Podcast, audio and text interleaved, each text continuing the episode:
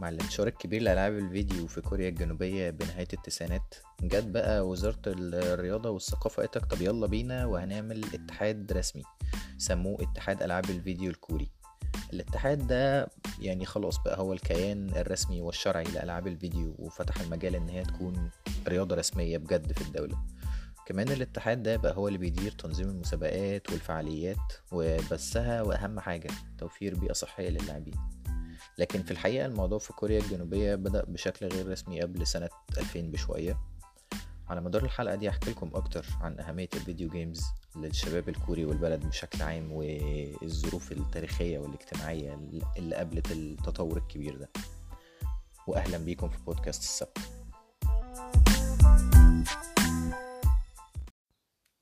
عشان نفهم قد إيه ال video games حاجة مهمة في الوقت الحالي بالنسبة للكوريين في دراسة اتعملت في 2019 كشفت إنه أكتر من 70% من الشعب الكوري بيلعبوا video games على مختلف المنصات والأجهزة بقى يعني سواء تليفون لابتوب PlayStation أيا كان. نفس الدراسة قدرت قيمة سوق ال video games في كوريا بأكتر من 15 ونص تريليون وون وإن الأرباح بتاعت مبيعات الألعاب وصلت لسبعة وسبعة من عشرة تريليون وون من المتوقع كمان إن قيمة سوق ال video games السنة الجاية في 2022 توصل 20 تريليون وون دي أرقام مرعبة الحقيقة.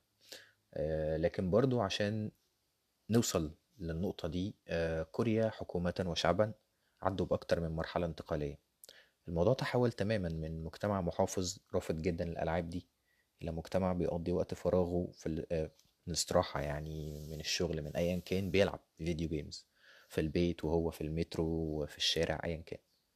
طيب آه نبتدي منين الحكاية؟ من المربع صفر وقت ما كانت كوريا ما تعرفش حاجة عن الألعاب بشكل عام. الناس في كوريا الجنوبية والشرق الأقصى عموما آه شبهنا شوية في كونهم متحفظين حبتين. عندهم نظرة مختلفة للحياة والعائلة والتربية وما إلى ذلك. المهم ظهرت الألعاب للمرة الأولى على الإطلاق في يناير 1975 كانوا ثلاث أجهزة بالعدد وكان بيطلق عليهم في الوقت ده TV game حاجة كده شبه اللي كانت منتشرة عندنا في مصر وبنلعب عليها لعبة Street Fighter بالكوينات لو فاكرينها. انتشرت الأجهزة أكتر وأكتر حتى نهاية السبعينات والانتشار ده في الحقيقة ما كانش مرحب بيه لا من الدولة ولا الإعلام ولا شعبيا حتى. كانت بالنسبة لهم حاجة فارغة ما تستحقش الاهتمام. مع ذلك لقت الألعاب دي طريقها للمتمردين وهم الشباب الصغار في السن. مع بداية التمانينات في 1980 بالتحديد كان في 43 صالة ألعاب أركيد متوافق عليهم حكوميا لكن العدد الفعلي كان أكبر من كده بكتير. مئات الصالات كانت منتشرة في كوريا الجنوبية وكانت شغالة بعيد عن عيون السلطة بطريقة غير شرعية. كوريا اللي كانت في الوقت ده سوق ناشئ لألعاب الفيديو كان دورها استهلاكي أكتر قايم على استيراد الألعاب دي من اليابان وأمريكا في غياب السوق المحلي تماما عن المجال ده. لكن أخيرا انتهت المرحلة دي في سنة 1987 لما شركة محلية صنعت أول جهاز video game باسم Goindol ومش بس كده الجهاز العملاق ده كان أول جهاز محلي كمان يوصل للأسواق الخارجية وحصلت شركة Sharp Image على رخصة توزيعه في أمريكا الشمالية. وده كان إنجاز كبير جدا ومرحلة أو بداية مرحلة مختلفة تماما لسوق ال video games في الجزء ده من العالم. طيب هو الكمبيوتر بقى فينه من الليلة دي كلها؟ أه سوق الكمبيوتر برضو حاله ما كانش ماشي قد كده يعني. اللي كان عنده كمبيوتر في البيت في السبعينات في كوريا ده زي اللي عنده روبوت في البيت دلوقتي مثلا. بس مع دخول التمانينات برضو ابتدى تحول تدريجي ياخد مجراه. في 1983 بدأت الكمبيوترات المحلية تظهر في الأسواق الكورية اللي كانت برضو مستنسخة من الأجهزة اليابانية والأمريكية بالمناسبة. وظهرت كمان مجلات الكمبيوتر عشان الناس المهتمة تبتدي تعرف أكتر يعني. وفي نفس السنة بدأت سامسونج توزع الكمبيوترات على المدارس عشان يطلع جيل جديد فاهم؟ هي إيه المكنة العجيبة دي وممكن يطلع منها إيه؟ سامسونج كمان بدأت تعمل مسابقات للشباب المهتمين بال software لكن حتى ال programmers اللي كانوا بيكسبوا في مسابقات برمجة ألعاب الفيديو كانوا بعد ما المسابقات دي بتخلص بيروحوا يشوفوا حالهم بقى في حاجة أهم ويشوفوا أكل عيشهم في شركات محترمة وكل الكلام ده.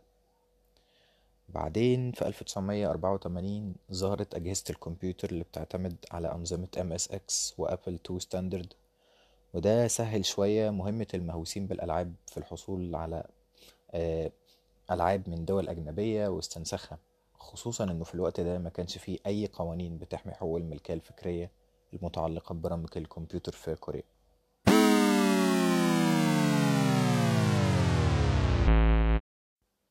خلصنا درس التاريخ الأولاني ندخل بقى على الحصة التانية.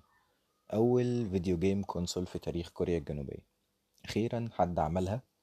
داوو أو دايو زي ما بنقولها. اخترعت أول console محلي وكان اسمه Zemmix. اتباع منه أكتر من 400 ألف واحدة تقريبا. جهاز شكله غريب كده بيتحط فيه شرايط وبتتحكم فيه ب controller. أعتقد كان فيه زرار واحد بس تقريبا. وحتى ما كانش ليه ألعاب أصلية لأنه السرعة كانت شغالة على ودنه والسوق كله بيجيب ألعاب من آه، الأسواق الأجنبية يضربها أو يعمل زيها ويشتغل بيها. ما كانش في أي شركات مطورة لألعاب الفيديو لسه في كوريا في الوقت ده إلى أن ألقت الحكومة حجرا في المياه الراكدة.